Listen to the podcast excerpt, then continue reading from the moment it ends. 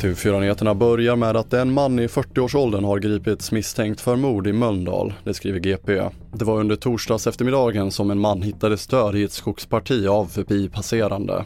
Mannen greps vid 22-tiden under torsdagskvällen och anhölls efter förhör av åklagare och är misstänkt för mord. Den döde mannen har ännu inte identifierats enligt polisen. Och minst fem människor från Haiti har drunknat och 68 har räddats ur vattnet utanför Puerto Rico. Migranterna som misstänks ha smugglats via båt släpptes i vattnet utanför en obebodd ö och föraren flydde sedan från platsen. Händelsen är en av flera dödliga resor till havs i norra Karibien i sommar där haitiska migranter förolyckats.